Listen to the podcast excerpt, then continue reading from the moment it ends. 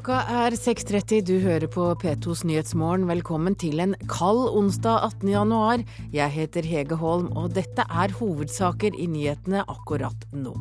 Mange tusen fagorganiserte streiker i dag mot EUs vikarbyrådirektiv. Jeg syns at uh, det er nå på høy tid at uh, Arbeiderpartiets stortingsgruppe begynner å høre på fagbevegelsen og arbeidsfolk i Norge, og ikke kaksene i EU som uh, mer eller mindre har lagt Europa i økonomisk ruin. Salget av sigaretter i norske dagligvarebutikker sank med 5% i fjor, og fotballedere vil nå gjøre det enklere å stå fram som homofil fotballspiller.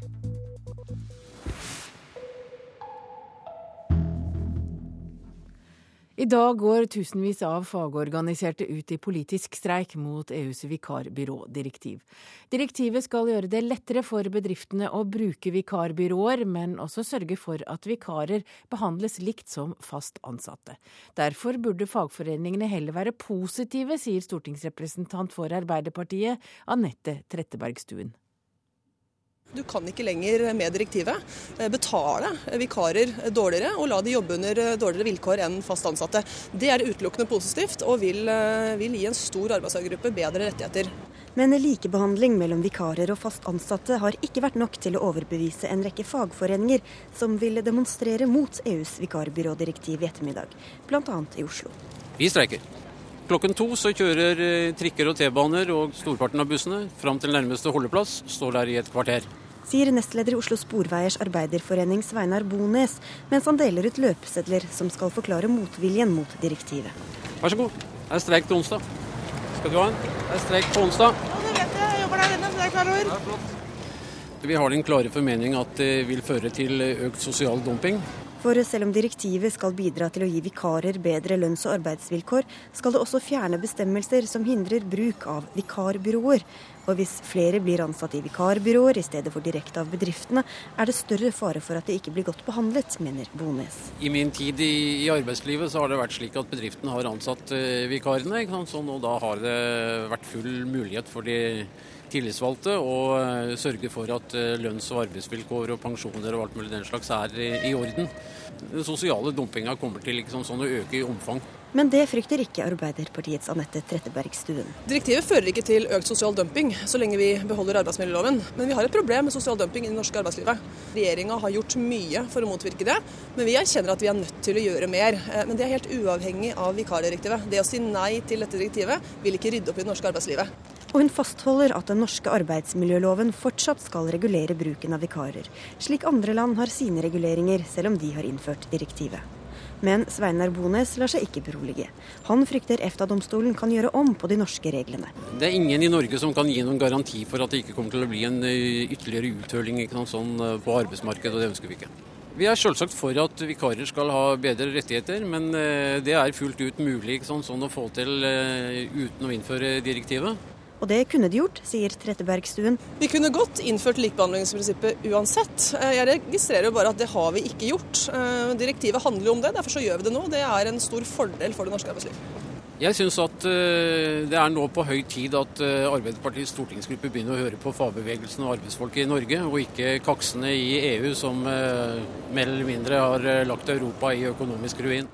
Ja, og Her er det åpenbart stor uenighet om konsekvensene av vikarbyrådirektivet. Reporter var Sigrid Solund og Fafo-forsker Kristin Alsås. Eh, nå kan jo du megle. Hvem er det som har rett her? Er det Trettebergstuen som mener at man burde si ja, eller er det fagorganiserte som i dag streiker mot? Altså, jeg tror i utgangspunktet at direktivet ikke kommer til å få så store konsekvenser. Men det er jo nettopp den usikkerheten som gjør da at fagbevegelsen går til streik i dag. Uh, og det er jo dette som går da på om, om man kan leie inn ut altså Per i dag så er det begrensning at man kan bare leie inn hvis det er et midlertidig behov i innleiebedriften.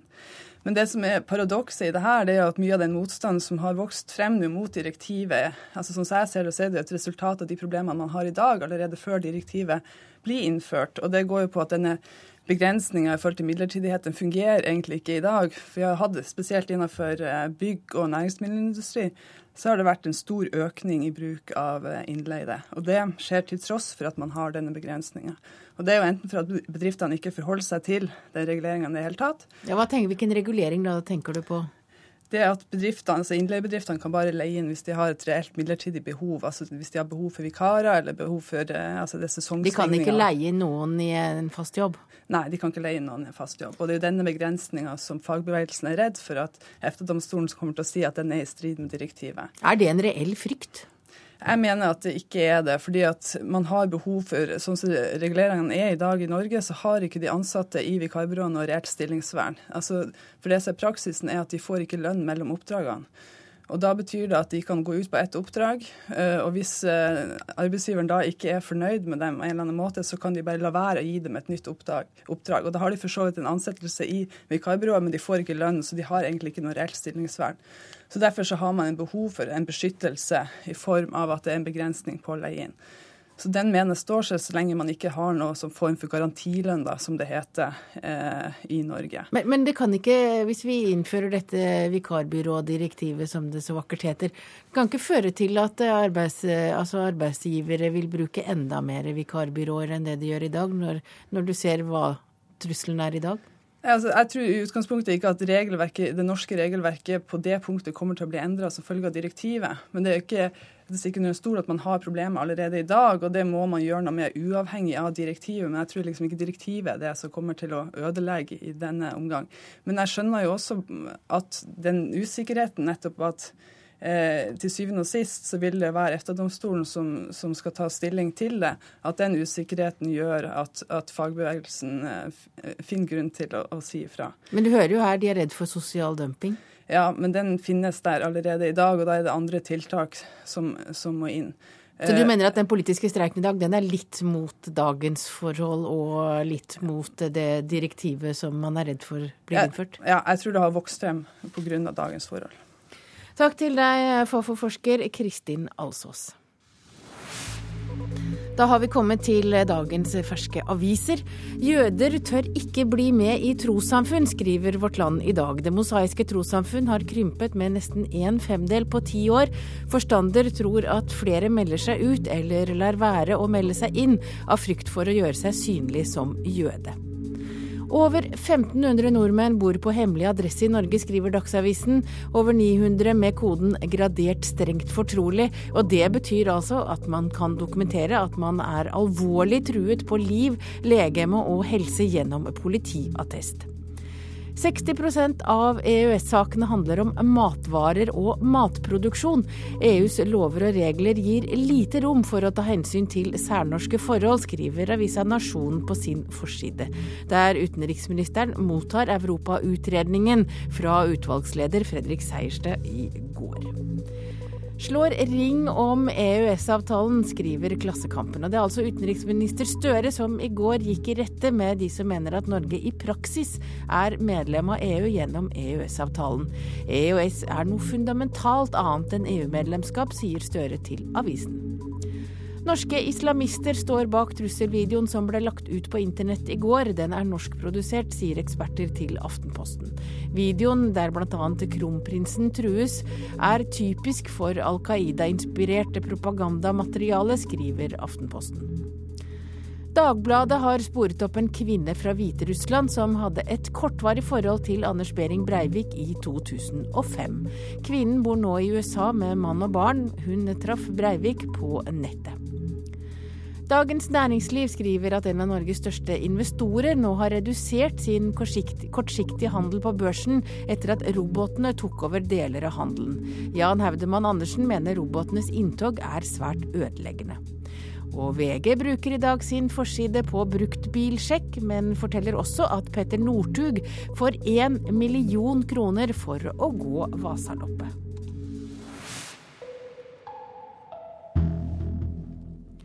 Salget av sigaretter i norske dagligvarebutikker gikk klart ned i fjor.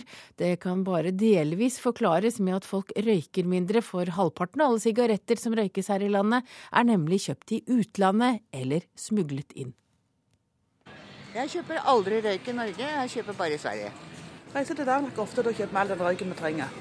Jeg reiser hver tredje måned til Gran Canaria. Så jeg kjøper faktisk aldri røyk i Norge, for det er for dyrt. Norske dagligvarebutikker solgte i fjor nesten 5% færre sigaretter enn året før. Det viser tall fra Nilsen Norge. Nedgangen i sigarettsalget er så stor at den ikke bare kan forklares med at folk røyker mindre.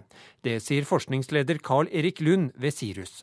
Deler av forklaringen eh, ligger nok i at vi har eh, økende grensehandel, og flere kjøper tobakk taxfritt. Men det skyldes også at mange slutter å røyke, og at flere unge avstår fra å begynne å røyke. Beregninger ved Sirus, Statens institutt for rusmiddelforskning, viser at nesten halvparten av sigarettene som røykes her i landet, stammer fra utlandet. Først og fremst fra lovlig innførsel, men også fra smugling. I Oslo finnes det steder der man får kjøpt mistenkelig billig røyk. Forskjellige kiosker bl.a. Der er det mye billig røyk. 50 kroner pakken, altså det finnes jo 40 kroner pakken. Du har ikke tenkt på at det kanskje er ulovlig innsmugla røyk? Jo, det har jeg tenkt på, men når jeg ser på min egen økonomi, så passer det meg litt bedre til jeg finner en annen løsning og kjøpe litt rimeligere røyk. Carl Erik Lund ved Sirus sier forskerne vet lite om smugling av sigaretter til Norge. Tollvesenet beslagla i fjor ni millioner sigaretter, men det er trolig en brøkdel av det som kommer. Jeg vil tro at smuglingen har økt som følge av økt arbeidsinnvandring fra Polen og Østersjøstatene. Så eh, har de også overtatt deler av trailermarkedet. Så jeg tror nok kanskje at containersmuglingen og turistimporten av eh, uregistrert tobakk har økt. Før helgen foreslo regjeringen å innføre en bevillingsordning for de som selger røyk. Det kan kanskje stoppe salget av smuglerrøyk noe, mener Lund. Det kan iallfall være et tiltak. Om det er svært effektivt, vet vi ikke. Men eh, det vil jo innebære da tobakksforhandlerne, og det er ca. 18 000 av de i Norge. Eh, de må da ha en lisens, en salgslisens. Den må de søke om. Og så vil det da være et visst oppsyn eh, med disse. Og man vil jo da sjekke om de selger tobakk som da har norske helseadvarsler, eller om det er selges pakker som da er importert eller smuglet inn. Og reporter her var Tom Ingebrigtsen. Og Jorodd Asphjell, du er medlem av Stortingets helse- og omsorgskomité for Arbeiderpartiet. Ble du overrasket når du hørte disse tallene? Ja, jeg vil si litt overraska, men det er også skremmende tall. Eh, hvis halvparten av eh, alle sigaretter som selges i Norge, kommer fra utlandet. Ja, Hvilke problemer mener du at det medfører? Ja, Først og fremst så er det jo det her med at røyking det er den enkeltfaktoren som har størst innvirkning på folks helse. Altså i år, Hvert år så dør altså flere tusen nordmenn pga. røyking, som i gjennomsnitt forkorter sitt leve, levetid med elleve år. Men Spiller det noen rolle hvor de kjøper røyken da? Om de kjøper eh, røyk i utlandet eller om de kjøper den i Norge? Nei, Det vi ser at er at, vi, at eh, pris har en god sammenheng i forhold til om folk røyker eller ikke. Og ikke spesielt blant barn og unge og at en 10% prisøkning blant barn eh, prisøkning vil bety at 15 av færre røyker blant barn og unge. Og Det er jo en måte det største virkemidlet vi har for å hindre at folk starter eller blir utsatt for passiv røyking. Og så er det vel en del eh, penger staten går glipp av når avgiften på røyken ikke kommer til statskassa? Ja, det er underordna. Vi har en tobakksskadekampanje hvor Stortinget har bevilga 19 millioner for 2012, som skal bidra til å gi folk god opplysning hvilke skadevirkninger det her har. Så Vårt poeng er at folk ikke skal starte å røyke, og at folk skal slutte å røyke. Men dette med lisens for å få lov til å selge røyk, tror du det er et eh, godt virkemiddel? Ja, Som Lund her sier, så når det er flere kiosker og butikker i Norge selger altså en 20-pakning tobakk til eh, sigarettpakke til 50 eh, kroner, ja, hvor mye koster egentlig en sigarettpakning i dag? Jeg røyker ikke sjøl, altså, men, men, det er ca. 90 kroner. Og hvis det er, folk røyker én pakke per år, så er det 35 000 kroner i året. Og det er klart, Da skjønner jeg jo at folk har eh, prøver ikke si, ulovlige metoder, eller kjøper tobakk på lovlig vis i Sverige. Sverige har jo en maksprisordning, men i Norge så har vi en minimumsprisordning. Så det her er en utfordring knytta til grensehandelen, og ikke minst at vi har en lang grense mot Sverige. Det har jo vært diskutert å slutte med taxfree-handel tidligere. Kunne det også være et virkemiddel for å hindre storinnkjøp? Nei, det er ikke, Vi ønsker i utgangspunktet nå å gi god informasjon og ha en prispolitikk som eh, gjør at folk ikke starter å røyke, og at folk velger å slutte å røyke. For det er klart at Bedre helse, bedre økonomi og bedre livskvalitet det er det viktigste for, eh, for oss, og det ønsker vi å gi en god informasjon om. Ja, altså Du tror lisens er veien å gå sammen med informasjon? Ja, bl.a. lisens og prisøkning og informasjon om skadevirkningene av å røyke. Det skal eh, være så dyrt at det svir, altså. Takk til deg, Jorodd Asphjell, medlem av Stortingets helse- og omsorgskomité for Arbeiderpartiet. Hører på Nyhetsmorgen. Klokka er 6.45, og dette er hovedsaker i nyhetene akkurat nå. Mange tusen fagorganiserte streiker i dag mot EUs vikarbyrådirektiv. Arbeiderpartipolitiker forstår ikke hvorfor. Stadig flere smugler eller kjøper sigaretter i utlandet. Og senere i sendingen får du høre at staten ikke har kontroll med hvordan kommunene behandler omstridte saker om vindmølleutbygging.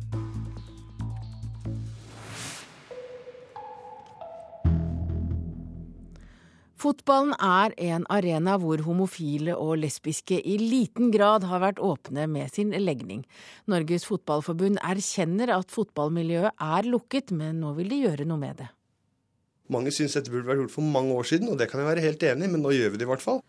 Fagansvarlig for inkludering i Norges Fotballforbund, Henrik Lunde, innrømmer at fotballen har vært sent ute i inkluderingen av homofile og lesbiske i fotballmiljøet.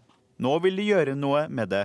Nei, altså Vi har jo fått innspill fra homofile og lesbiske fotballspillere tidligere om at det er, kan være vanskelig å stå fram i en spillergruppe, at det kan være problemer i forhold til trenere, ulike ting. Men som sagt, dette ønsker vi da å få mer kunnskap om, for at vi kan kunne sette i gang tiltak som vi veit vil hjelpe dem det faktisk gjelder. Prosjektet skal vare i tre måneder, og Lunde sier at resultatene skal bearbeides ordentlig. Det er veldig lett å sende ut noen plakater eller noen slagord og klistremerker om at alle skal akseptere alle, men vi tror vi må inn i den daglige jobbingen i klubber, i lag. At det er der nøkkelen til å gjøre hverdagen bedre ligger. Lederen i Landsforeningen for lesbiske og homofile, Bård Nylund, setter pris på at fotballen nå tar et oppgjør med sitt eget miljø. Vi får jo henvendelser fra folk som har valgt å slutte med idrett for at de syns det ble for vanskelig. Og med et sånt prosjekt som det er, så vil man kanskje eh, om noen få år komme dit at man har åpne homofile fotballspillere på toppnivå, for de vil bli ivaretatt. Og reporter var Mario Torres. Staten har ingen kontroll med hvordan kommunene tar avgjørelse i omstridte vindmølleutbygginger. I Florø har bystyret sagt ja til 48 vindturbiner i urørt natur, mot at kommunen får motytelser som varmestue og lysløyper. Fylkesmannen i Sogn og Fjordane vil ikke vurdere lovligheten av vedtaket. Jusprofessor Jan Fridtjof Bernt mener at dette er problematisk. Det betyr jo i praksis at eh, de miljøvernhensynene som jo skulle være sentrale i disse vurderingene, eh, lett vil bli skjøvet til side til fordel for kommunenes mer kortsiktige eh, økonomiske gevinster de kan få ved å presse utbyggeren til å gi motytelser. En turgåer trakker seg gjennom de snøkledde fjellene i Flora og Bremanger. Der kan det komme 48 ruvende vindmøller. Bystyret i Flora har nemlig sagt ja til omstridte vindkraftplaner, mot at kommunen bl.a. får varmestove og lysløype i gjengjeld. De folkevalgte i Bremanger skal ta stilling i morgen. Motytinger er helt uproblematiske, mener Hilmar Eliasson, bystyremedlem for Høyre i Flora. Du har Hydro i Høyanger, du har Årdal. De sponser jo inn med svømmebasseng og dette ser jeg på samme måte at dette er noe tilsvarende, at de på en måte vil gi noe ekstra til den plassen de er på, tross alt. Det problematiske er at det skjer her en, da, en kobling mellom kommunens uttalelser i en sak som dreier seg om energiforsyning og miljø, med eh, forskjellige typer motytelser som denne utbyggeren da har tilbudt seg å gi kommunen. Sier jusprofessor Jan Fridtjof Bernt. Det utbygger her gjør, det er å, å kjøpe seg en gunstig uttalelse fra kommunen. Stein Malkenes er tidligere leder i Norges naturvernforbund og har kjempa mot vindindustriutbygging langs kysten. Malkenes har som privatperson bedt fylkesmannen kontrollere om vedtaket til Flora bystyre er lovlig. Men det vil ikke staten sin forlenge arm i Sogn og Fjordane. Oppsiktsvekkende, sier Malkenes. Det er ingen andre instanser som er satt til å føre lovlighetskontroll med eh, forvaltningsmessig store saker. Det er eh, faktisk et stort, tomt hull. Lyden av ei vindmølle. Langs hele norskekysten er det planer om 46 tilsvarende vindkraftanlegg som på Guleslettene i Florø og Bremanger. Kommunene sine høringsfrasegner veg tungt når Norges vassdrags- og energidirektorat, NVE, til sjuende og sist skal si ja eller nei til en vindindustripark. Fylkesmannen grunngjev avslaget om å granske vindkraftvedtaket i Flora med signal fra Kommunal- og regionaldepartementet. Departementet mener at ei høringsfrasegn fra en kommune til et statlig organ, som NVE, ikke er omfattet av reglene for lovlig kontroll. Bernt mener Liv Signe Navarsete sitt departement tolker lova feil. Det betyr at uh, dette spørsmålet nok bør løftes videre ut av departementet over i regjeringens eget ekspertorgan, uh, Justisdepartementets lovavdeling slik at vi kan få en mest mulig grundig og forhåpentligvis riktig uh, vurdering av dette juridiske spørsmålet. Og det sa eh, jusprofessor Jan Fridtjof Bernt til reporter Noralf Pedersen. Kommunalminister Liv Signe Navarsete har ikke vært tilgjengelig for kommentar. I går fikk oljefeltet som til nå har vært kjent som Avaldsnes, et nytt navn. Oljeminister Ola Borten Moe fra Senterpartiet døpte feltet om til Johan Sverdrup-feltet. I Venstre godter de seg nå over at oljeministeren måtte gå til deres historie for å finne et godt navn. Det er ganske trivelig at eh, Borten Moe i alle fall kan la seg inspirere av Venstre i forhold til navnevalg sier nestleder i Venstre, Helge Solum Larsen. Det er ikke veldig mye annet innenfor energi- og miljøpolitikken som det ser ut som at eh, han som statsråd har tatt med seg. Venstrehøvdingen Johan Sverdrups navn står nemlig med gullskrift i norsk politisk historie. All makt i denne sal, sa han om Stortinget, og ble parlamentarismens far. Men Venstre i dag er jo ikke akkurat tilhenger av oljeminister Ola Borten Moes utvinningsglade politikk. Så Venstre kunne jo kanskje tolka dette som et lite spark på leggen? Nei, tvert om. Jeg uh, syns det er bare positivt, jeg, og har lyst til å gratulere med Borten Moe med, med, beslutningen. Beviser dette at det er noe litt fossilt ved Venstre? Venstres historie er faktisk landets historie. Og reporter her var Håvard Grønli. Studenter ved universiteter og høyskoler samler kunnskap i årevis, men de lærer sjelden å snakke om faget sitt på en forståelig måte. Det vil studenter og ledelse ved landets største universitet nå gjøre noe med, og resultatet kan bli et eget fag for kunnskapsformidling. Hva er det du skriver om? Et spørsmål om kildesortering kan si noe om personlighet, Sosiologistudent Vida Juel Oftebro ved Universitetet i Oslo skriver masteroppgave om kildesortering, et tema som er høyst relevant for folk flest. Men å snakke om det på en forståelig måte er ikke alltid like enkelt. Eh, å gjøre det forståelig, det, det kan bli en utfordring, men jeg tror det er veldig viktig å gjøre det. Men er dette noe du har lært i løpet av studiene? Det er ikke det. Så det er jo noe man har savnet. Jeg syns det er ganske bedrøvelig. Og jeg syns man gir et for dårlig tilbud til studentene. Det sier Per Anders Torvik Langerød, student og tidligere leder for Norsk studentunion. Han vil at studenter som Oftebro skal få hjelp til å gjøre kompliserte fagbegreper om til forståelig norsk. Universitetene må satse systematisk på formidling, mener Langerød.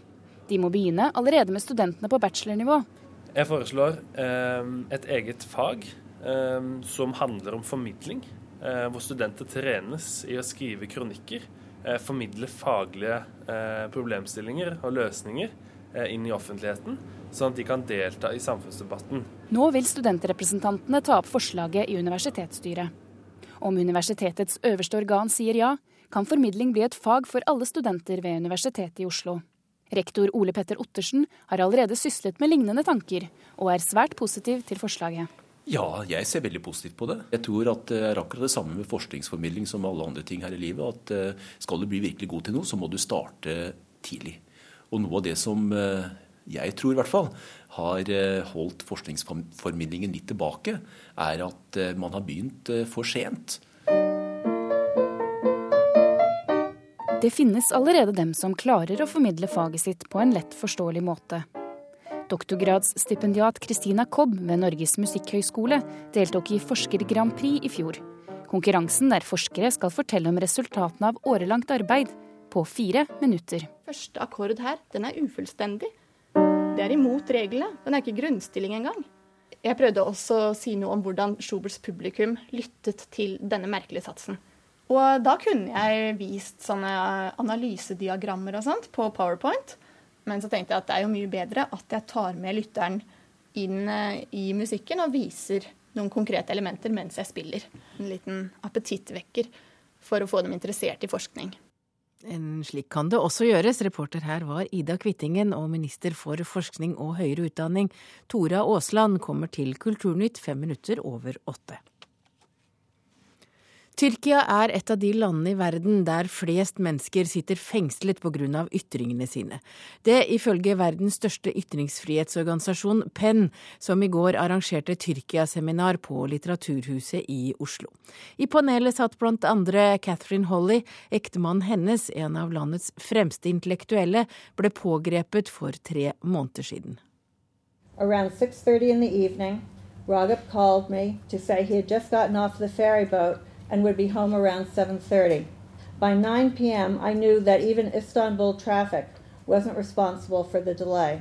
Med en fullsatt sal foran seg og bilde av sin arresterte ektemann på lerretet bak seg, forklarer Catherine Holle hvordan hun fryktet at han var blitt pågrepet da han ikke kom hjem fra jobb i slutten av oktober.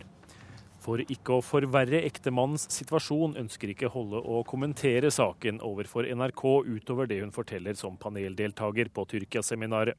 Nestleder Eugen Sjulgin i Penn International fastslår imidlertid at den radikale forleggeren og forfatteren Ragib Saraklo er en intellektuell ledestjerne. Jeg vil ikke gå så langt å si at når det gjelder behandlingen av Ragib Saraklo, så er dette her en måte å statuere et eksempel på for å skremme øvrige til taushet. Saraklo er en av svært mange intellektuelle som sitter fengslet i Tyrkia i dag. Da statsminister Jens Stoltenberg under et besøk forrige uke tok opp situasjonen i landet med Tyrkias president, fikk han til svar at fangene er fengslet fordi de er terrorister. Ifølge Penn sitter nå rundt 13 000 personer bak murene på dette grunnlaget. En rekke av dem organisasjonen har kontakt med, er journalister. Altså De som vi jobber med, er i dag rundt 100. Hvordan er det sammenlignet med andre land? Ja, det er veldig mye høyere.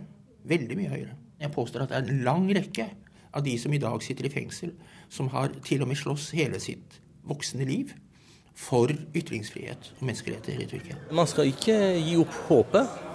Men det er jo klart at de er jo litt redde for eh, den videre utviklingen, fordi ingen vet hva som eh, skjer videre. Det sier Abdullah Hejab i kurdisk Penn i Norge. Han kjenner mange som er fengslet, og sier de ikke har gitt opp kampen.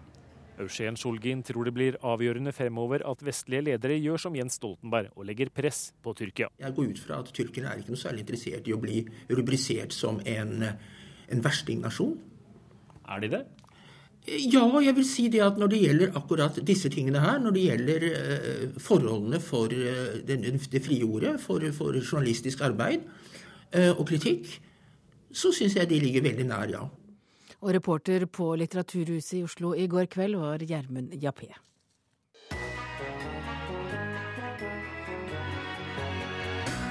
I Radioselskapets gavestafett driver vi gjenbruk av presanger. Skuespiller Sven Nordin ga et stygt fat til minister Lysbakken. Dansebanddronning Jenny Jensen ga et trekkspill til Høyre-leder Erna Solberg. Og i dag skal hele Norges TV-trener Ingmar Andersen gi en gave til stjerneregissør Petter Ness, som hadde gitt det stygge fatet til Sven Nordin. Hør på etter Dagsnytt klokka 11. Og da har vi kommet fram til et værvarsel som gjelder til midnatt. Fjell i Sør-Norge fra tidlig om formiddagen sørlig eller sørvestlig frisk bris. Liten kuling utsatte steder i høyfjellet, opp til sterk kuling lengst i nord snø. Fra sent i ettermiddag vestlig frisk bris opp til stiv kuling sør i Langfjella. Snøbyger i vest, ellers oppklaring. Østlandet og Telemark oppholdsvær fra sent om formiddagen sørlig bris, på kysten frisk bris. Senere liten kuling utsatte steder. Til skyene og etter hvert snø, først i vest. Utover kvelden vestlig bris, frisk utsatte steder. Agder oppholdsvær, regn og snø i høyereliggende strøk. Mot kvelden vestlig periodevis liten kuling vest for Lindesnes. Spredde byger i vest, ellers oppklaring. Vestlandet sør for Stad sørlig kuling, liten storm nord for Fedje. Regn fra om ettermiddagen vestlig liten kuling, om kvelden sørvest opp til sterk kuling, regnbyger. Møre og Romsdal sørøstlig sterk kuling på Sunnmøre, fra om formiddagen sørvest sterk kuling på kysten. Om kvelden noe minkende, regn og snø i indre strøk. Trøndelag sørøstlig stiv kuling, for det meste opphold. Fra om ettermiddagen sørvestlig liten kuling på kysten, snøbyger. På kysten regn.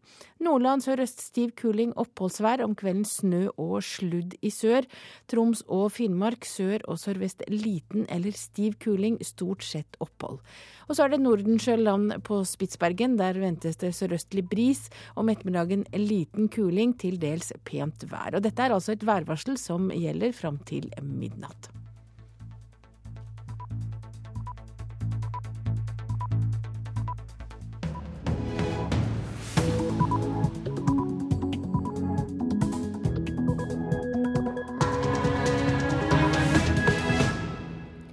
Klokka er sju, du hører på P2s Nyhetsmorgen. Jeg heter Hege Holm, og her er en nyhetsoppdatering. Svensk politi sier de har fått inn gode tips i forbindelse med dødsfallet til den norske kvinnen og hennes barn. Vi opplever vi har fått inn bra informasjon. Eh, vi har bra samarbeid med de norske kollegene, og eh, vi har en, så til videre et bra utredningsläge. Og det sa Åsa Hedin i Vestmannland politidistrikt. Mange tusen fagorganiserte streiker i dag mot EUs vikarbyrådirektiv. Mer enn halvparten av alle norske boliger har fuktskader. Det skaper helseplager. Flere forskjellige luftveisplager, sånn som astma, forverring av eksisterende astma, økt antall bronkitter og irritasjon i øyne og nese.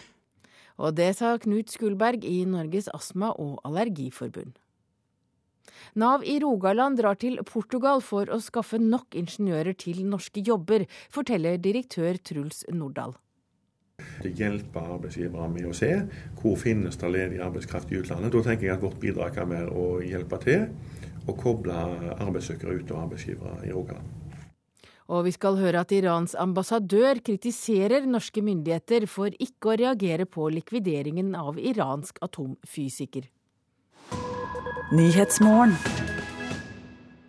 Politiet i Sverige mener de har sikret seg mange gode tips etter at den norske kvinnen og hennes ni måneder gamle barn ble funnet døde hjemme hos seg selv mandag. Blant annet håper de nå på spor som de finner på kvinnens telefon, at det vil gi flere svar.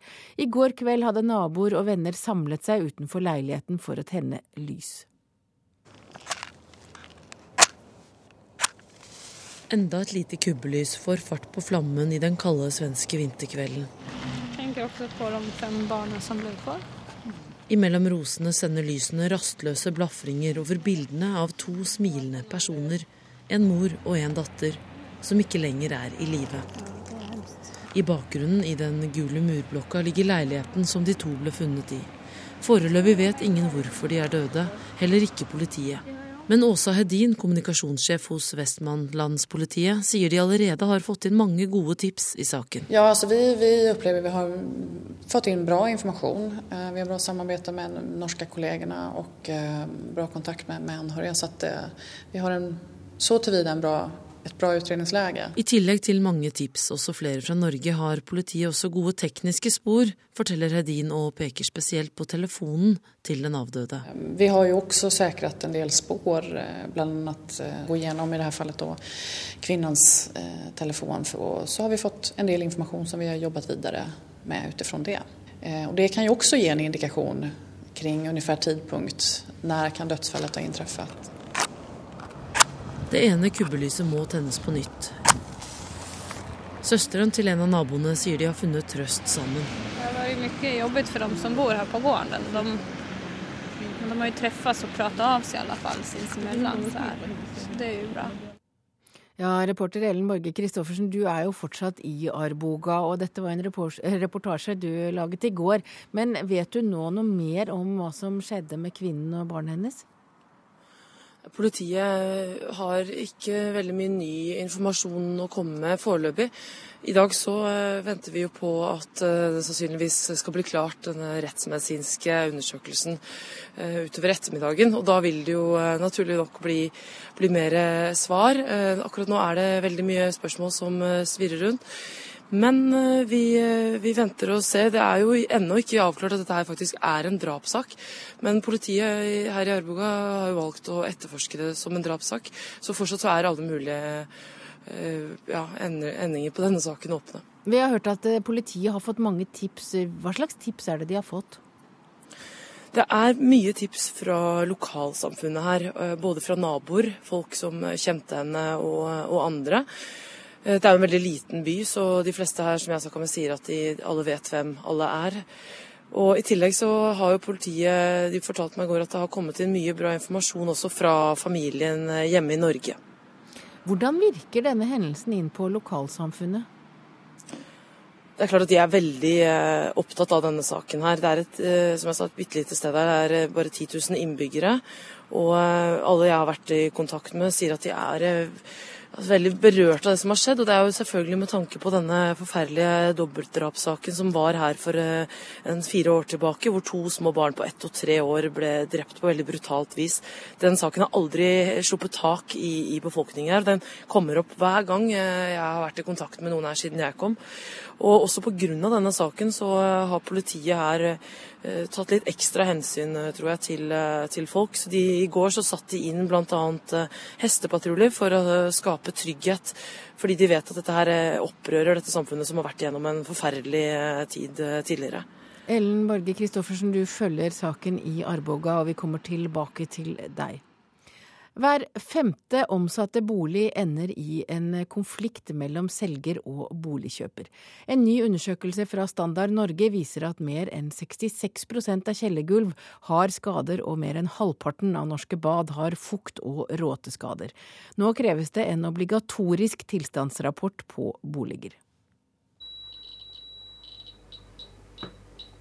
Dette er helt ødelagt, så her må alt rives. Og her må også kanskje mer rives for å se den er følgeskader. Det kan være ute i ytterveggen. Og det kan være videre bortover her. Fuktigheten kan ha vandra mange meter. Håndverker Georg Arildseth konstaterer store råteskader skjult i baderomsveggen.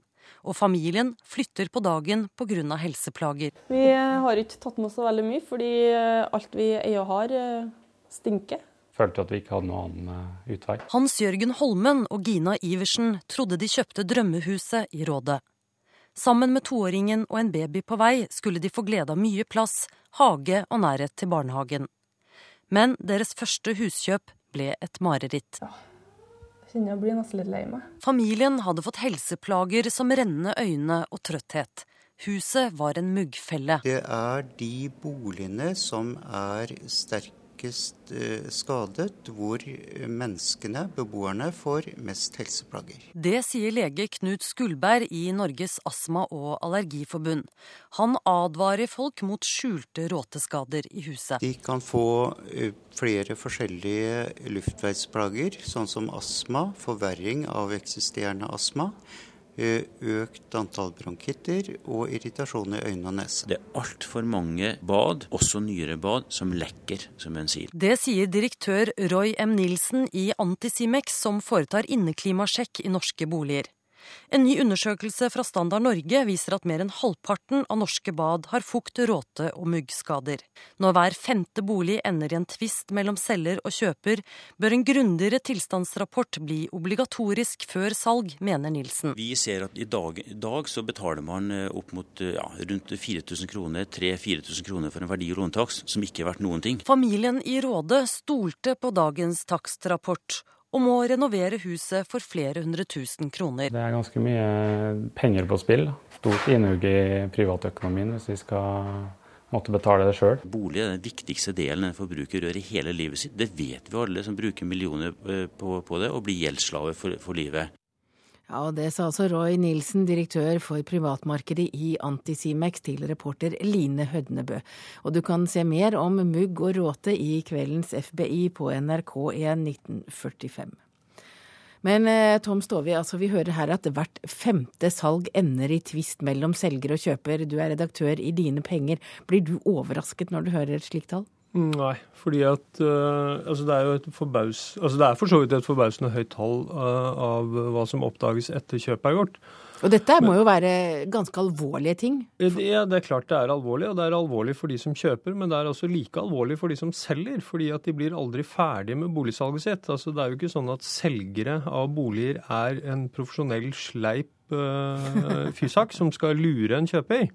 Sånn at det er ikke bra for verken selger eller kjøper at man skal krangle i rettssalen om hvor mye et uh, objekt er verdt. Så vi trenger helt klart bedre takster som beskriver den tekniske kvaliteten på hver enkelt bolig. Men jeg vil tro mange selgere har eierskifteforsikring som nettopp skal sikre at de slipper å sitte i rettssalen? Det er nettopp det. Vi har altså skrudd sammen et perfekt system for at det skal bli mange rettssaker i etterkant. Vi har dårlige takster, og så har kjøper en forsikring som gjør at han kan gå til rettssak, og så har selger en forsikring som gjør at noen tar kostnadene for ham i etterkant. Dette betyr at veldig mange boligkjøp blir det kranglet om i årevis etterpå, og det belemmer, altså vi belemmer jo rettsvesenet vårt helt idiotisk. Poenget er at alle disse forsikringspengene burde jo heller vært brukt til en ordentlig teknisk gjennomgang av boligen, slik at vi får satt en riktig pris på den boligen når den omsettes. Og dermed så kan vi da unngå å få alle disse kranglene eh, mange år etterpå. Men var det ikke egentlig det en takst skulle Altså en takstmann skal gjøre? Se på boligen og finne ut hvor mye den er verdt? Jo, og det er jo nettopp litt underlig. Det, eh, takstens viktigste funksjon er jo å sette en verdi på boligen. Både en markedsverdi og en og antatt en eh, låneverdi, og for så vidt også en teknisk verdi. Men de takstene vi fortsatt har i Norge, er jo såkalt det er maling på veggen-takster, og det er fliser på badet. Dette er stort sett noe enhver idiot, må jeg nesten få lov å si, kan se selv at det ligger flyser på badet. Det man er, må være opptatt av, er hva som er bak flysene, hva som er bak malingen, hva som er under gulvet.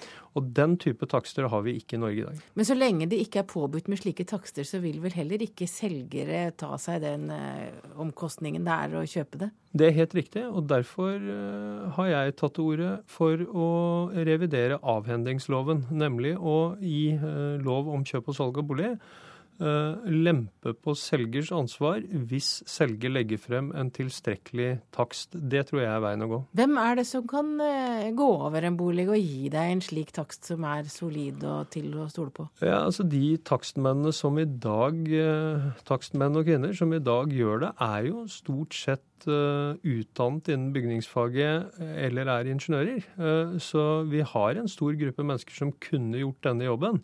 Problemet er at det er ingen som uh, trenger å betale uh, det det koster for å faktisk få gjort det. Man er fra meglers side mest opptatt bare av å få etablert en takst og få etablert en verdi. Men den uh, verdien kan jo megler sette selv. Takk til deg, Tom Stovi, redaktør i Dine Penger. Deler av internett går i svart i dag i protest mot USAs nye antipiratlover. Wikipedia er en av nettstedene som er logget av. Kritikerne mener den nye loven vil legge så store begrensninger på internettadferden at det utgjør en trussel mot ytringsfriheten og mot det frie, åpne nettet slik vi kjenner det. Tidligere denne uken understreket også Det hvite hus at de ikke støtter lovgivningen som i disse dager behandles av Kongressen.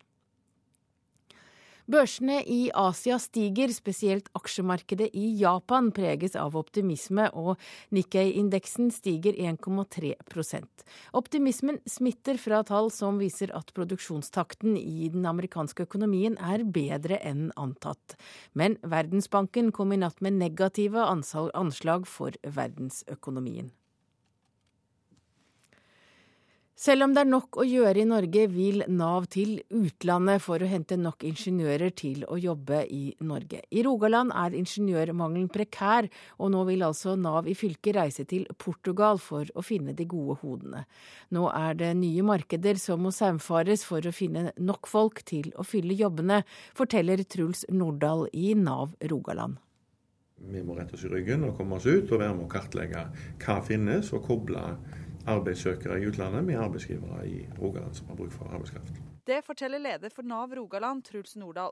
Det er 500 ledige ingeniørstillinger bare i Rogaland, mens på landsbasis begynner behovet å bli prekært. Det er et ekstremt behov, spesielt her i regionen, men òg i Norge generelt sett. Sier Terje Seim i konsulentselskapet Nekon i Sandnes. Eh, vi er mange som fisker i den, som skal man bruke den litt floskete samme dammen. Da. Når vi ser at eh, andre markeder begynner å bli litt mer tømte, så trenger vi å få en oversikt òg i markeder der vi tradisjonelt ikke har så god oversikt. Og derfor går turen til Portugal. For Terje Seim er det litt overraskende at Nav nå går så aktivt ut. Ja, jeg ble litt forundra på det i utgangspunktet. Eh, jeg tenkte liksom ikke Nav var så offensiv i, i, i den tankegangen.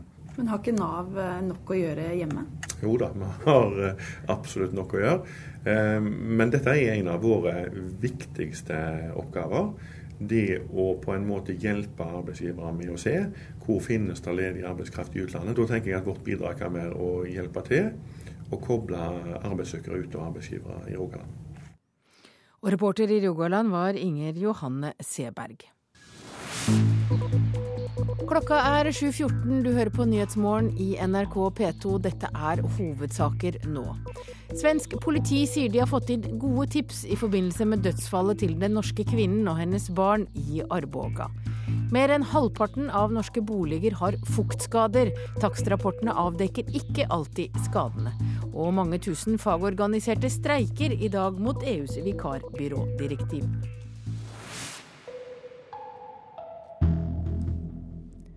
Irans ambassadør i Norge kritiserer norske myndigheter for ikke å reagere på likvideringen av nok en iransk atomfysiker. Vi forventer at Norge, som er en spydspiss i den internasjonale kampen for menneskerettigheter, også fordømmer likvidasjoner på uskyldige iranere, sier ambassadøren til NRK. There is a big legitimate expectation from us toward the Norwegian official as well as the uh, respective uh, uh authorities who would uh, ultimately is, uh, they should be expressing them, themselves vis-a-vis -vis this tragic event, the result of which was the victimization of yet the third Iranian nuclear scientist.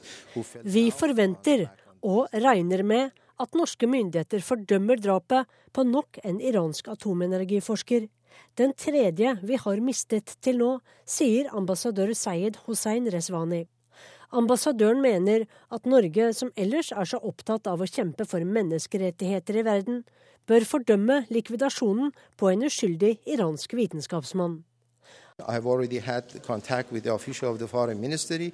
I'm uh, expecting that, that we will be hearing something from them to that effect. Han er også oppgitt over at ingen synes å respektere FN-resolusjon 1373, vedtatt etter 11.9.2001, når det kommer til Iran. I resolusjonen står det at alle land må forhindre folk i å finansiere, planlegge eller utføre terrorangrep mot andre stater og deres innbyggere. Angrep mot iranske vitenskapsmenn er blitt et mønster, mener Rezvani, som ikke er i tvil om hvem som står bak. But not only by the uh, Israel, but uh, with certain other Western countries, specifically, namely United States of America and. Vi har bevis på at dette terrorangrepet var planlagt og støttet av CIA, skrev det iranske utenriksdepartementet nylig i et brev til den sveitsiske ambassaden i Teheran, som ivaretar USAs interesser i den islamske republikken. Nå strammer USA, Japan og EU til sine sanksjoner mot Iran. USA straffer også utenlandske bedrifter som driver handel med Irans sentralbank, alt for å ramme Irans oljehandel. Grunnen er at Vesten ikke tror iranerne når de benekter at de utvikler atomvåpen. Uh, further restriction or escalation of these measures, it will not uh, stop us. We will pursue our uh, indisputable rights in acquiring peaceful technology for uh, nuclear energy. Vi lar oss ikke stanse av sanksjoner, men vil fortsette å utvikle kjernefysisk energi til sivilt bruk.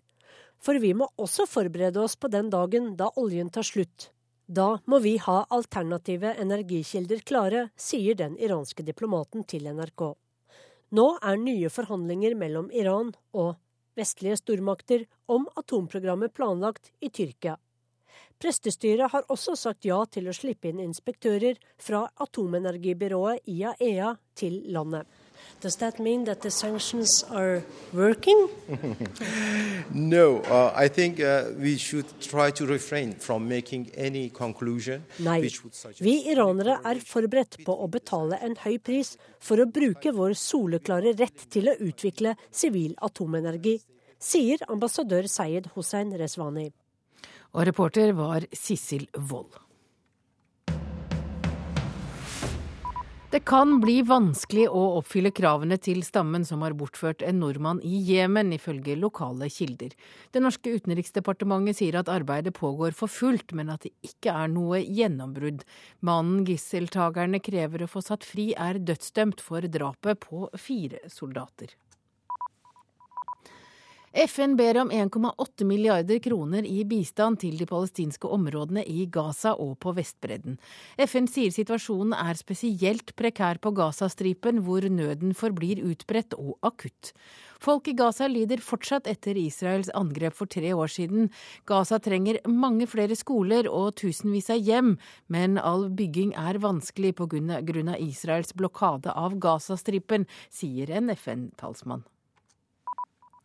Og presidentkandidat Mitt Romney er nå presset til å fortelle hvor mye skatt han betaler, og innrømmer at inntektsskatten hans er på rundt 15% Republikaneren og milliardæren Romney er en av de rikeste som har stilt til presidentvalg i USA.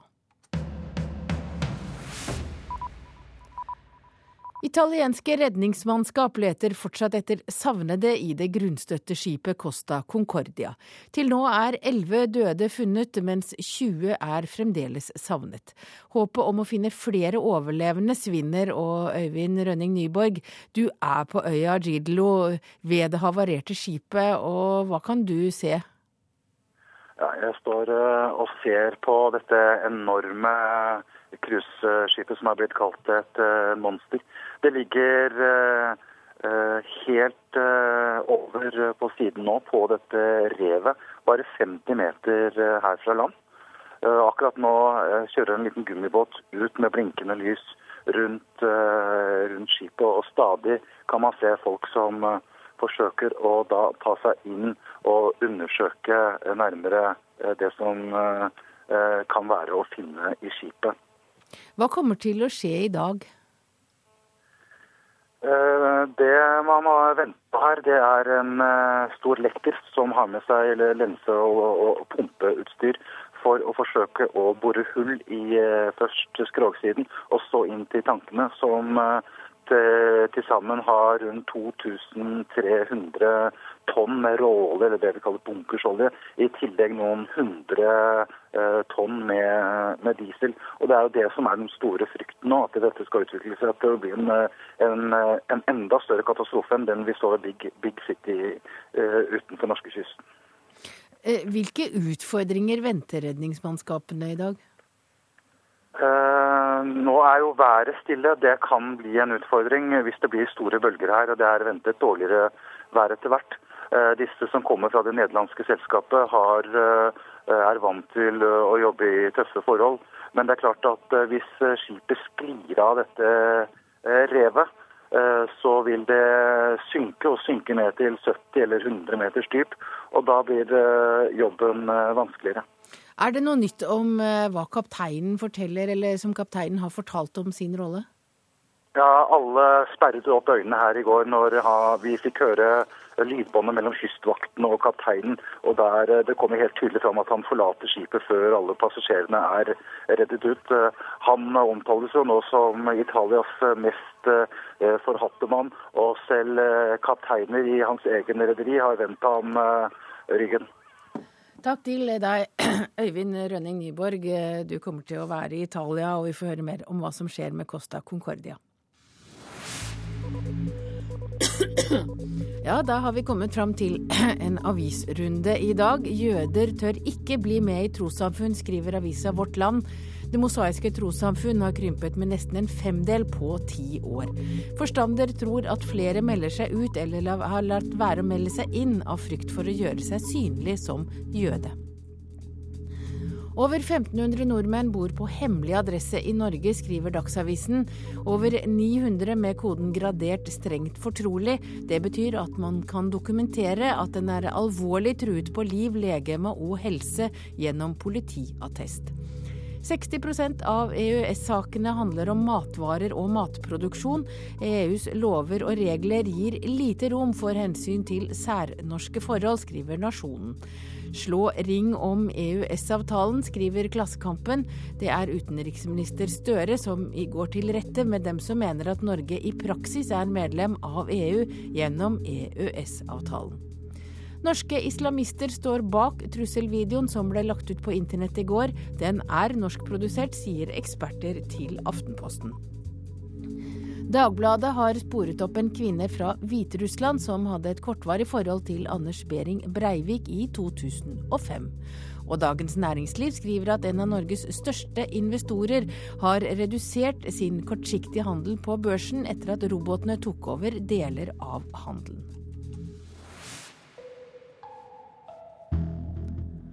Og Nyhetsmorgen i NRK P2 fortsetter med Morgenkåseriet, som i dag er ved journalist Jon Vinding Sørensen. Oslo er, av folk som påstår de har peiling, utnevnt til en av verdens beste byer hva servering av kaffe angår. Hvis vi også er blitt verdensmestere på kaffebarbesøk, så regner ikke meg blant dem. Jeg ser jo folk som bare går rett inn, bestiller, betaler, mottar og konsumerer, tilsynelatende uten en eneste bekymring, men noen andre av oss kjemper fremdeles fortvilet for å knekke kaffebarkoden. Én ting er å tolke tilbudet, Shakirato, Frappe, Aeropress, Cortado, falsk chai, jeg som ikke engang ante at det fantes ekte chai, americano, hjelp, hva er det egentlig alt sammen? Greit, hvis det er det største problemet, kan det selvfølgelig løses ved å pugge og lære. Langt vanskeligere er å fatte alle de myke verdiene, de mystiske detaljene som avslører om du hører til eller ei de enkle, små grepene der du og jeg fomler ubehjelpelig, men som andre later til å beherske til fullkommenhet. Som for eksempel når skal man egentlig gå på kaffebar? Og da snakker jeg seriøse kaffebarbesøk, de som skjer for å gjøre inntrykk, ikke de kjappe sånne bare stikke innom-visitter for å få et kaffeskudd. Jeg snakker om den klassiske, skikkelige kaffebarflanøren. Sånne folk som automatisk forstår. For at du ikke må komme for tidlig, for da er kaffebaren en slags bedriftskantine med bråtavis av slitne arbeidere på vei til en eller annen tråkejobb. Men du må heller ikke komme for tett etter dette rushet, for da opplever du noe enda verre. Et helt tomt anlegg. Like spennende som et likhus. Du kan sågar bli fristet til å snakke med baristaen, siden det bare er dere to der. Det er dårlig stil, det. På den annen side, kommer du nærmere tolv, begynner anlegget å få preg av ammestue, og ved lunsjtider dukker også arbeiderne opp igjen. Du vil kanskje til og med oppleve at de eter bagetter. Er det noen som ikke hører med på en skikkelig kul kaffebar, så er det vel bagetter. Eller amming. Men la oss si da at du definerer ideell tid til en gang mellom halv elleve og halv tolv, eller kanskje etter halv to og halvannen time fremover. Det er da du treffer disse alenefolkene, i stor grad unge menn med et påfallende og spesielt talent for å se gammel ut kaffebarns opinionsledere. De som også for lengst har knekket en av de andre vanskelige kodene, nemlig spørsmålet om hvor det er korrekt å sette seg. Dette har bl.a. med lys, innsikt, utsikt, nærhet til rørepinner og avstand til dører som trekker, å gjøre. En god regel er selvfølgelig, og det gjelder forresten alltid her i livet, at dersom det er plass ledig, er det som regel en god grunn til det. Disse folkene de detter ned på riktig plass på rent instinkt. Samtidig finner de plass nok både til Mac-en og avisen, og da snakker jeg fullformat og ikke tabloidaviser, hvilket nødvendigvis betyr en utenlandsk avis, og derfor gjerne fra i går. Men det spiller ingen rolle, det er inntrykk man gir som er viktig. Attityd heter det. Og det hele er omgitt av en lavmælt, saktetempo, tilsynelatende melankoli. Det gjør ikke noe om du klarer å få det til å se ut som du virkelig savner pipa di, for å si det sånn. Vi snakker altså ikke bare attityd, vi snakker kaffebar-attityd. Mitt private forsøk på å knekke koden manifesterte seg en dag da jeg febrilsk hadde forsøkt å lokalisere plassen til sukker og tilbehør. Viktig ikke å fomle, men gå rett på. Late som om dette er rutinemessig barnemat når man er på et nytt territorium, og jeg hadde slått fast at jeg skulle bestille og betale samme sted, og hadde funnet ut hvor brygget ble utlevert, og så, skrekk og gru, oppdaget en rekke nye tilbud ristretto, macchiato, hva i all verden var det for noe alt sammen? Jeg skal bare ha en helt vanlig espresso, sa jeg, og la til. og gudene vet hvor det inspirerte og improviserte innfallet plutselig kom fra. Men med litt revet, tørket aprikos på toppen, takk. Jeg så øynene til den stakkars baristaen flakke. Han så desperat for seg at de hadde fått noe nytt hos konkurrentene rundt hjørnet, noe han selv ikke hadde oppdaget ennå, og så pustet han tungt og tilsto at han dessverre hadde sluppet å få tørket aprikos. Jeg fikk akkurat det jeg ønsket, ikke aprikos, men respekt. Imidlertid kan vi jo være enige om at den ikke varer evig, og egentlig er slett ikke noe nærmere å knekke kaffebarkoden for det. Og mannen på kaffebar var Jon Vinding Sørensen. Etter Dagsnytt skal vi til New Delhi, der India og Kina utkjempet krig om hvor grensen skulle gå mellom de to landene. I går var det møte. Produsent Ingvild Ryssdal, jeg heter Hege Holm. Hør ekko. Tror du at islam er islam, og at muslimer er enige om alt? Da tar du feil, for sannheten er at det foregår en heftig debatt i Norge om hvordan Koranen skal tolkes. Muslimske ungdommer og en forfatter avslører et mangfold du kanskje ikke trodde fantes blant unge muslimer. Ekko 9 11 i NRK P2.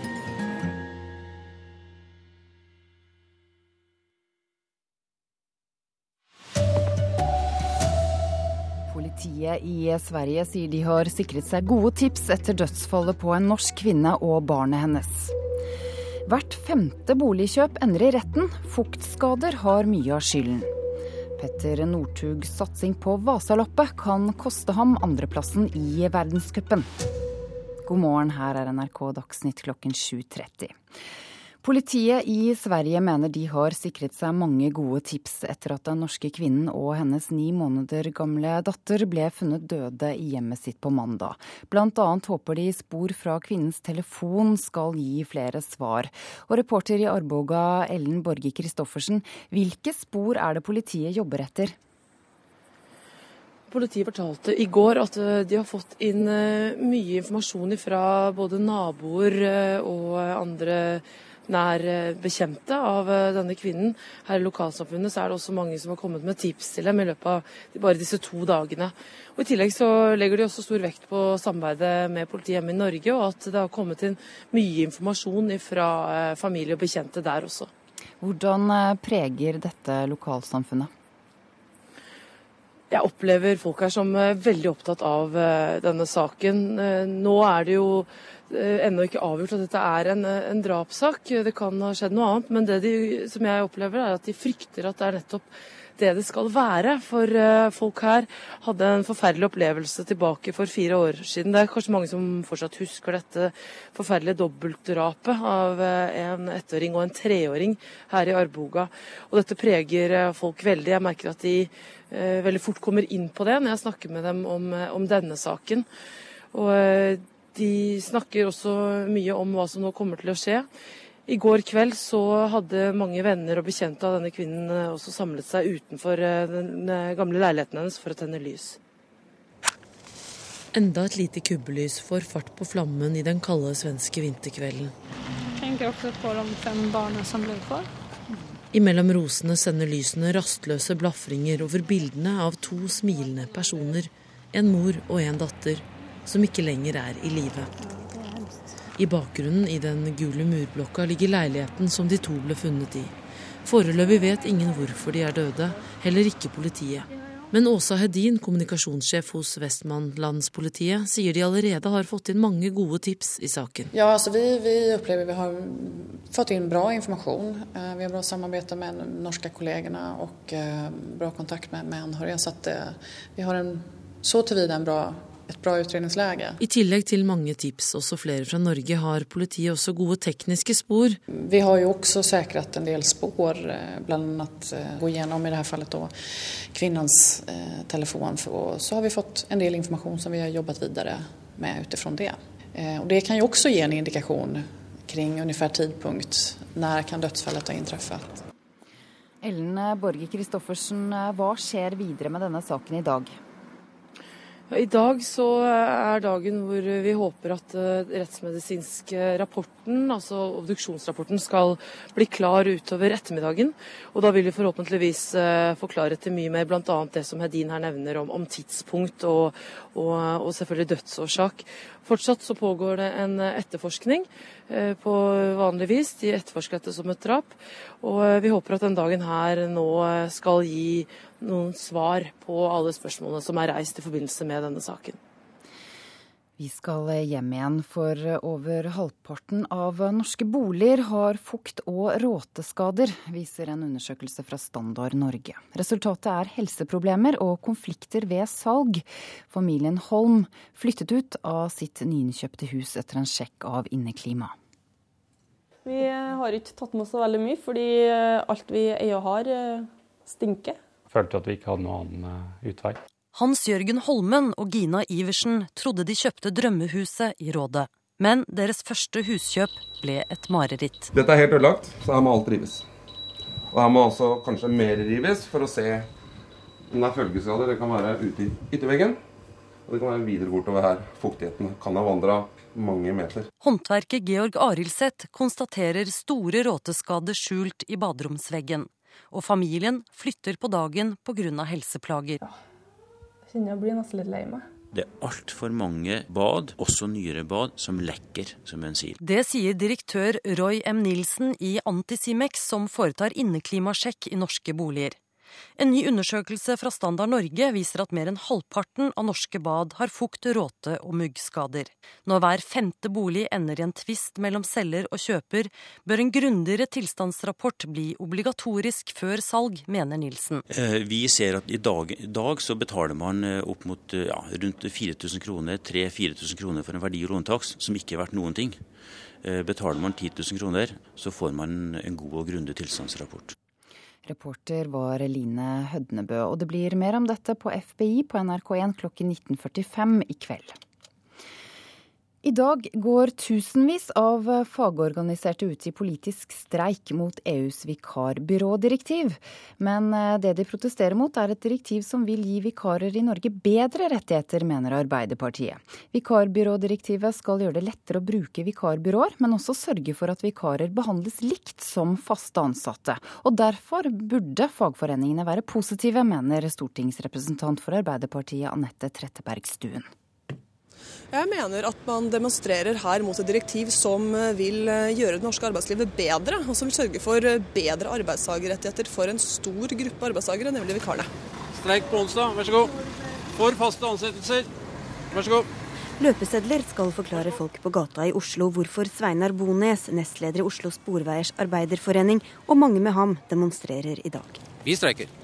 Klokken to så kjører eh, trikker og T-baner og storparten av bussene fram til nærmeste holdeplass. Står der i et kvarter. Og det blir markeringer og demonstrasjoner flere steder i landet i dag for å advare mot konsekvensene av vikarbyrådirektivet. Vi, i likhet med storparten av fagbevegelsen i Norge, har den oppfatninga at eh, dette vil føre til økt sosial dumping. For Bones mener det alt i dag er et problem med økende bruk av utenlandske vikarer som jobber i Norge under dårlige vilkår. Det blir enda vanskeligere å få bukt med hvis de er ansatt i et vikarbyrå i stedet for direkte i bedriften, mener han. I det øyeblikket vi begynner ikke sånn, sånn å stille krav overfor vikarbyrået, så da er ikke den vikaren der neste dag. Men til tross for frykt for det motsatte, skal den norske arbeidsmiljøloven også framover begrense bruken av vikarer, sier Anette Trettebergstuen, som forsikrer om at Arbeiderpartiet og fagbevegelsen fortsatt er på lag. Vi ønsker at det norske arbeidslivet skal være anstendig, og det skal basere seg på faste, trygge ansettelser. Vikarbyrådirektivet gjør ingenting med den bunnplanken i norsk arbeidsliv. Reporter Sigrid Solund. Salget av sigaretter i norske dagligvarebutikker gikk klart ned i fjor, men det kan bare delvis forklares med at folk røyker mindre. For nesten halvparten av alle sigaretter som røykes her i landet er kjøpt i utlandet eller smuglet inn. Og flere steder i Oslo får man også kjøpt ulovlig billig røyk. Forskjellige kiosker bl.a. Der er det mye billig røyk. 50 kroner pakken, altså det finnes jo 40 kroner pakken. Du har ikke tenkt på at det kanskje er ulovlig innsmugla røyk? Jo, det har jeg tenkt på, men når jeg ser på min egen økonomi, så passer det meg litt bedre til jeg finner en annen løsning og kjøpe litt rimeligere røyk. Carl Erik Lund ved Sirius sier forskerne vet lite om smugling av sigaretter til Norge. Tollvesenet beslagla i fjor ni millioner sigaretter, men det er trolig en brøkdel av det som kommer. Jeg vil tro at smuglingen har økt som følge av økt arbeidsinnvandring fra Polen og Østersjøstatene. Så eh, har de også overtatt deler av trailermarkedet. Så jeg tror nok kanskje at containersmuglingen og turistimporten av eh, uregistrert tobakk har økt. Det sa Carl Erik Lund ved Sirus, og reporter var Tom Ingebrigtsen. For å gjøre det bra i Vasaloppet må Petter Northug nedprioritere verdenscupen i februar. Og det kan bety at andreplassen i sammendraget ryker, til tross for at han i dag har et solid forsprang til Markus Helner. Det kan jo bli veldig skummelt på slutten der hvis Markus begynner å gå fort. 378 poeng ned til Markus Helner på tredjeplass i verdenscupsammendraget kan være for lite for Petter Northug. Fram mot Vasaloppet 4.3, som Helner ikke skal gå, vil Northug stå over flere V-cuprenn og trene mer. Ni mil staking i det svenske langløpet krever sin mann. Det som er spesielt der, er når du passerer seks-sju mil og begynner å bli død i armene, om du, om du hele tatt har noe å gi, eller om dem som har kjørt en del sånne økter gjennom en hel sommer og, og har gått flere langløp gjennom en vinter, takler det bedre. Kun seks dager etter Vasaloppet går femmila i Holmenkollen. Har han ikke dagen i de svenske løypene, vil han heller spare krefter for å holde Helner bak seg i de avsluttende verdenscuprennene. Hvis man føler seg pigg etter fire-fem mil, da er det mulighet til å kjempe om seier. og Føler du deg tung og du ikke er med da, så er det jo bare å begynne å tenke 50 km. Jeg ønsker å beholde den andreplassen i World Cup sammen, sammenlagt, så det, det, kan fort bli avgjort i siste helga i Falun. Reporter Christian Myrseth. Ansvarlig for denne sendingen var Erlend Rønneberg, Odd Slåttland og Ida Creed.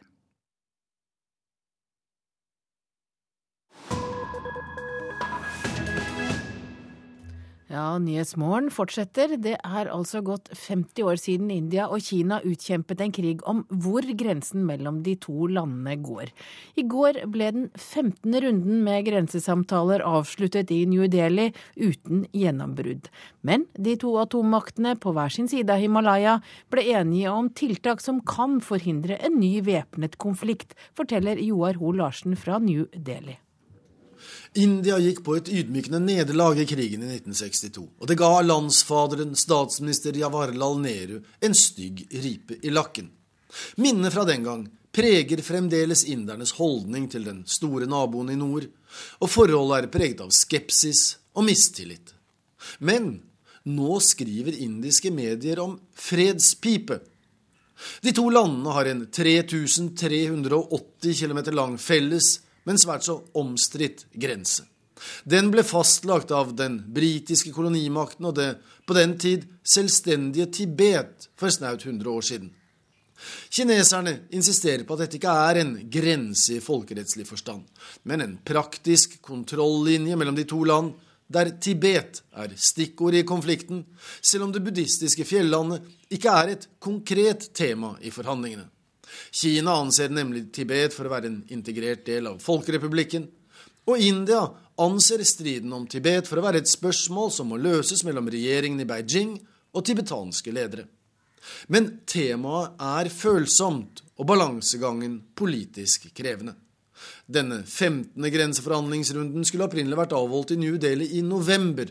Men kineserne meldte avbud da den tibetanske lederen Dalai Lama deltok på en buddhistisk verdenskonferanse i New Delhi samtidig. The day I officially handed over that night, very unusual sound slip. Fredsprisvinneren Dalai Lama, som mer enn noen har gitt Tibets skjebne et ansikt, trakk seg i fjor som eksiltibetanernes politiske leder. En stor lettelse, skal vi tro ham selv. Og selv om India har vært et meget korrekt vertskap for Dalai Lama i mer enn et halvt århundre, så betyr Dalai Lamas politiske pensjonisttilværelse én utfordring mindre i samtalene mellom de to land. Begge lands regjeringer har anstrengt seg til det ytterste de siste ukene for å vise at det egentlig ikke er noen motsetninger mellom dem. Indias statsminister Manmohan Singh slo i nasjonalforsamlingen nylig fast at regjeringen i New Delhi ikke tror at Kina er ute etter å angripe India.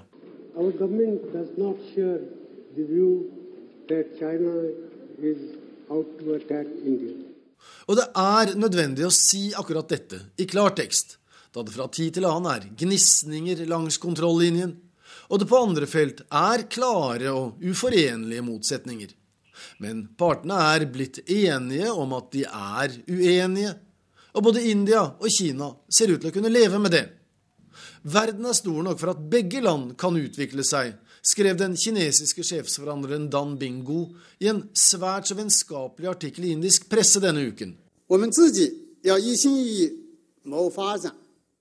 Partene er oppriktig opptatt av økt handel og samkvem over Himalaya. Så det å bli enige om hvor grensen går, er ikke bare et juridisk og strategisk spørsmål. Hvis grensetvisten løses, så kan det gi store økonomiske ringvirkninger i begge land.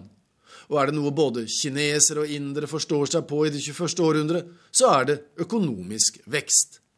På den bakgrunn er det helt logisk at de parallelt med en enorm opprustning langs grensen skriver under en avtale som skal forhindre misforståelser og unødig spenning. Du lytter til Nyhetsmorgen. Klokka er 7.44, og dette er hovedsakene i nyhetene. Svensk politi sier de har fått inn gode tips i forbindelse med dødsfallet til den norske kvinnen og hennes barn i Arboga. Mer enn halvparten av alle norske boliger har fuktskader. Takstrapportene avdekker ikke alltid skadene. Og stadig flere smugler eller kjøper sigaretter i utlandet. Og da har vi kommet fram til dagens politiske kvarter. Arbeiderpartiets hemmeligheter har nemlig lekket ut i pressen, Bjørn Myklebust. Planene for hvordan Høyre skal bekjempes mot valget i 2013? Arbeiderpartiet frykter Høyre, bl.a. fordi de er ganske like, men de har funnet Ernas akilleshæl.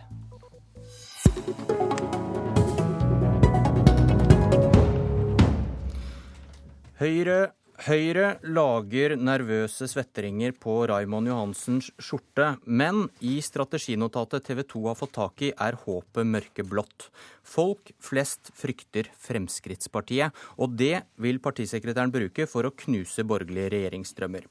Parlamentarisk nestleder i Frp, Ketil Solvik-Olsen, som har sagt at han skal gjøre Frp mer spiselig, tror planen vil feile.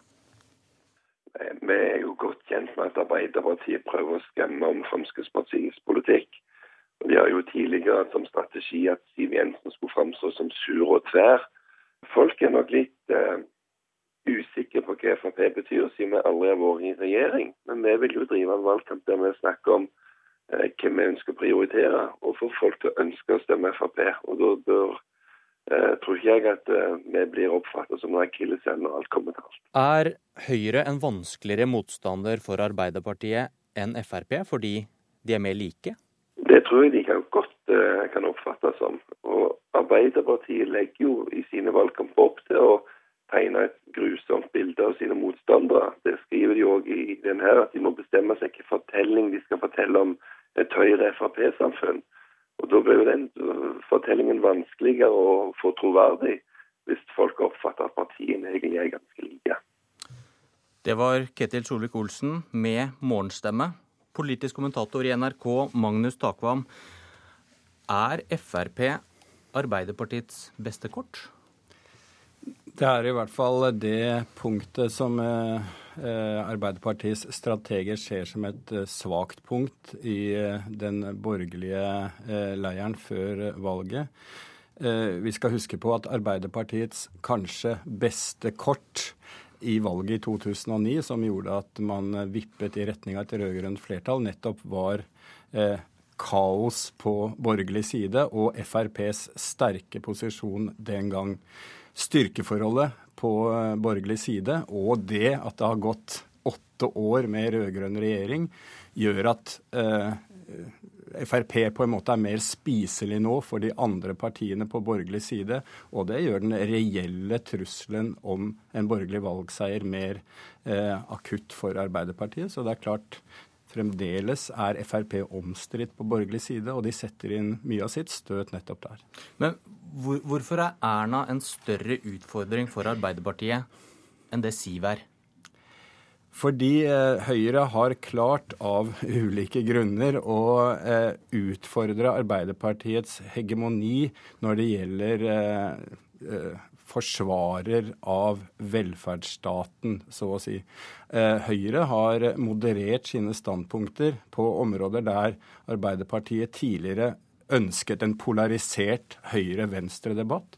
Høyre ser at skal de holde på de moderate velgerne som i en gitt situasjon kan gå tilbake til Arbeiderpartiet, så må de ikke utfordre disse velgerne på disse punktene. Og det er klart, Da nytter det ikke for eh, Raymond Johansen og Arbeiderpartiet bare å slå den plata om igjen med velferd eller skattelette. Og det er nettopp det eh, Arbeiderpartiet ser, og som de klør seg i hodet for. Ja, I dette notatet så tenker Johansen også høyt om samarbeidspartnerne i regjering, SV og Senterpartiet. Han skriver at det kanskje er lurest å markere litt avstand. Og hvorfor gjør han det? Jo, nettopp ut fra den analysen at ifølge dette notatet så er rundt 300 000 velgere i grenselandet Arbeiderpartiet Høyre. Eh, mange av disse velgerne eh, liker ikke SV og eh, Senterpartiets politikk. Mange av de ville foretrukket en ren flert, eller mindretallsregjering av Arbeiderpartiet. Så det er et dilemma.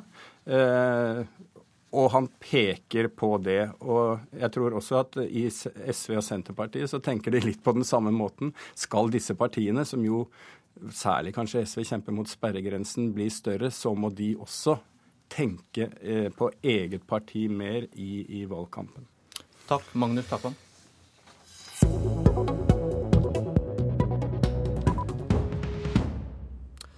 Apropos utfordringer for Arbeiderpartiet. I dag streiker flertallet av LOs medlemmer mot Arbeiderpartiets stortingsgruppe, for den sa ja til vikarbyrådirektivet. Og det betyr kanskje mer for Arbeiderpartiet enn at dere i SV er mot, Karin Andersen? Jeg, jeg, håper vi skal diskutere innholdet i saken, for den er veldig viktig. Og det handler om noe av det Men eh, ta, ta det først. Har du noe tro på at dette presset vil virke? For Arbeiderpartiet har jo bestemt seg. LO er eh, sterke, og vi hadde et møte på Stortinget for en par dager siden der også Unio var til stede, og de skal også ta stilling til dette. og Da kan det jo bety at det er eh, veldig mange av norske arbeidstakere som mener at vi skal si nei. Og jeg kan ikke tro noe annet enn at det kan gjøre inntrykk på Arbeiderpartiet. Det er ingen skam å snu når man eh, kan innse at man kanskje har gjort en, et dårlig valg. Arbeiderpartiet de ville ikke stille opp for å diskutere med deg, men eh, Petter Furulund, administrerende direktør i NHO Service, du er kanskje ikke så nervøs på Arbeiderpartiets vegne, men frykter du at dette presset som kommer i dag, får dem til å snu på sikt? Nei, det tror jeg ikke. Og jeg er helt fascinert over eh, fagbevegelsen som kan være mot dette direktivet, som altså gir vikarer rettigheter til samme lønn som de de vikarierer for det skulle være midt i hjertet på fagbevegelsen, og det burde heller være Det er et stort paradoks, det som skjer? Ja, det er et paradoks uten like. fordi at jeg var på det møtet hos eh, Karin Andersen hvor vi hadde høring, og hvor mange fagbevegelser var der. Og, og beskrivelsen av eh, utfordringer og problemer er jeg helt enig i. Men, eh, men løsningen, der har vi stikk motsatt syn. Og vi har jobbet veldig mye mot sosial dumping i renholdsbransjen og andre bransjer. Og jeg tror dette tiltaket kommer til å løfte bemanningsbransjen betydelig og er ikke noe trussel mot fagbevegelsen. Det er tvert imot. For i dag så er det ganske billig, hvis man bruker useriøse bemanningsbedrifter, å leie inn folk. Nå kommer det til å bli dyrt å, å leie inn eh, vikarer, og da regulerer det seg selv. Da må du forklare Andersen, hvorfor det ikke er ja, paradoks at arbeiderne protesterer mot lik lønn for vikarene?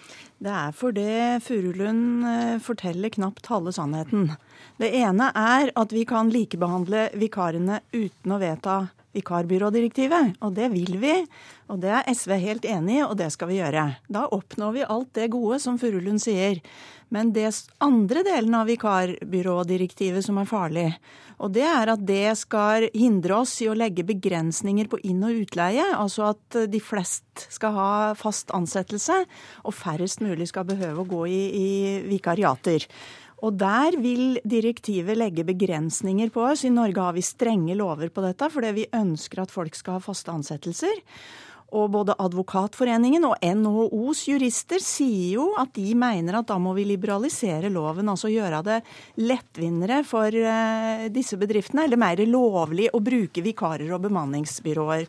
Og når vi ser i arbeidslivet nå i dag, f.eks. byggebransjen her i Oslo, så har jo de nesten slutta å ansette folk. Altså De leier bare inn fra andre byråer, og folk får ikke fast jobb. Og det vil eh, ødelegge etter hvert lønns- og arbeidsvilkår for folk. Og det vil etter hvert også presse lønninger, det, det veit vi. For da organiserer ikke folk seg. Og, og da blir det sånn én og én forhandle om lønna si. Og den, Det er en, kanskje en fleksibilitet som arbeidsgiverne er interessert i? det, Furlund? Nei, altså Hele arbeidslivet trenger jo fleksibilitet, men alle mener jo at, eh, at eh, det primære skal være at man har fast ansatte. Og jeg, Dere er helt på, på, vidda når dere tror at dette kommer til å gjøre at man ikke ansetter folk lenger, og så bare bruker vikarer. Hvorfor skulle man gjøre det? Det blir jo uh, som sagt kostbart, og det er andre ting som også har av verdi å ha fast ansatte. Men vi har lagd en rapport nå som, vi, som, kom ut på fredag, som ligger på noservice.no, hvor vi har fått uh, Synovate til å analysere hvordan folk opplever å jobbe i bransjen. Og det er utrolig mye positivt. Jeg skulle ønske at dere heller så det positive i dette. Og, og jeg, tror, eh, jeg, tror, at alle de bekymringer man har, i større grad blir løst ved at uh, man får dette direktivet, enn at vi skal vedta masse nye lover og forskrifter. Og så skjønner jeg ikke, skjønner jeg ikke hva dere sier. Hvor, hvorfor skal man ha lov som sier at arbeidsgiveren ikke får lov til å bruke vikarer når arbeidsgiveren føler at man trenger det? Vi har ganske sterke begrensninger på inn- og utleie i arbeidsmiljøloven i Norge i dag. Det var det som Bondevik-regjeringa prøvde å, å, liberalisere, og som den rød-grønne regjeringa reverserte. Og vi veit at hvis vi åpner opp loven, så blir det flere som vil bruke vikarer. Men alle, som sagt, alle de tingene som Furulund her peker på med å likestille vikarene, det kan vi gjøre. Da blir det dyrere og mindre lønnsomt å bruke vikarer. Og det tror vi er bra. Nettopp fordi både at folk trenger å få en fast jobb, men òg fordi det er bra for seriøse bedrifter å ha faste ansatte. Det blir bedre vil, kvalitet av. Vil det ikke bli færre midlertidig ansatte hvis det ikke er noe å hente på å ha midlertidighet? Jo, nettopp, og det kan vi jo gjøre helt uten å vedta direktivet, og ta sjansen på at vi må liberalisere inn- og utleie samtidig. Så alt det gode kan vi gjøre, og så kan vi la være å gjøre det som er dumt. Men 75% av de som eh, nå eh, går ut i vikariater, kommer fra arbeidsledighet eller er studenter. Jo, men kjære deg, du en... går vel ikke inn i et vikariat hvis du har en fast jobb? Altså, det, er jo, Nei, det er jo helt rimelig det at det er folk som er arbeidsledige Nei, som vil gå det, inn i sånne dette jobber. Dette er en viktig inngang til arbeidslivet for ja. mange, og man får prøvet ut både arbeidsgivere og arbeidsgiverne. Selvfølgelig, og det er lov i dag, og det skal være lov i framtida. Men vi ønsker ikke at det skal bli hovedmodellen. Når vi, når vi ser hva som skjer f.eks. i byggebransjen nå. Sjøl med dagens strenge lov så ser vi at dette øker voldsomt, og det ønsker vi ikke. Jeg må takke for eh, debatten, politisk kommentator Magnus Takvam. Eh, hvor ubehagelig er det som skjer i dag for Arbeiderpartiet, som har bestemt seg? Det er en eh, krevende sak fordi både særlig SV, som helt klart har bestemt seg for å gå mot dette direktivet, og Senterpartiet, som i prinsippet er mot, men som bl.a. vil vente på hva LO sentralt lander på, eh, eksponerer jo en splittelse i regjeringen om dette. Og det er stor mobilisering i fagbevegelsen i kjernetroppene til Arbeiderpartiet. Så det er en eh, vanskelig sak, helt åpenbart. Noen lurer jo på i arbeiderbevegelsen hvorfor er Arbeiderpartiet for dette? Ja, og det når Arbeiderpartiet Det skal veldig mye til for at Arbeiderpartiet sentralt går mot et direktiv som skal implementeres i, eh, i, pga. EØS-avtalen. Har det mer med det å gjøre enn sakens innhold? Det er, det er bunnplanken. Og så mener jo eh, regjeringen og Arbeiderpartiet at uh, de den usikkerheten som særlig NHO har skapt om at vi ikke kan beholde restriksjonene om bruk av midlertidig ansatte og vikarer, de står ikke i fare i og med dette direktivet. Det er jo kjernepunktet Altså NHOs argumenter er kjernepunktet for venstrefløyen i, i fagbevegelsen, og også for, for SV, eh, som mener de kan ha rett, og at dermed eh, bruken av vikarbyråer blir mye mer omfattende enn det som faktisk er i dag. Hva tror du skjer i LO nå? Det blir veldig spennende. De skal ha et sekretariatsmøte 30.1, når høringsfristen på disse ekstratiltakene rundt direktivet har frist. og en del tror at LO-ledelsen sentralt, som jo er kritisk positive til, til, dette direktivet, prøver å få til eh, en repetisjon av det. Fra før har LO gått inn for direktivet med visse forutsetninger. Eh, men uansett så vil det som skjer i LO-sekretariatet 30.1 være det alle ser på for den videre prosessen her. Takk, Magnus Takvam.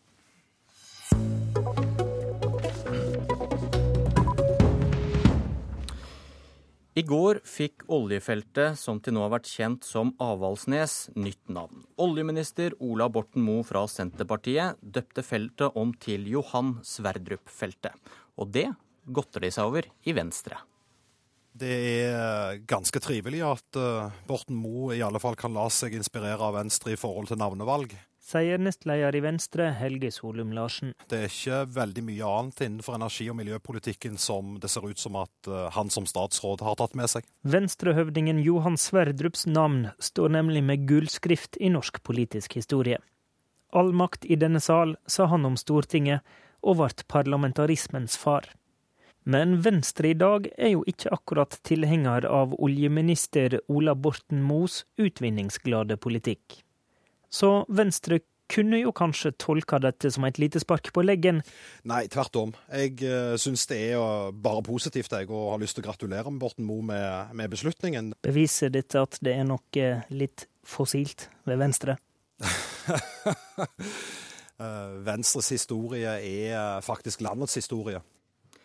Helge Solum Larsen til reporter Håvard Grønli. Jeg heter Bjørn Myklebust, og det var et Politisk kvarter.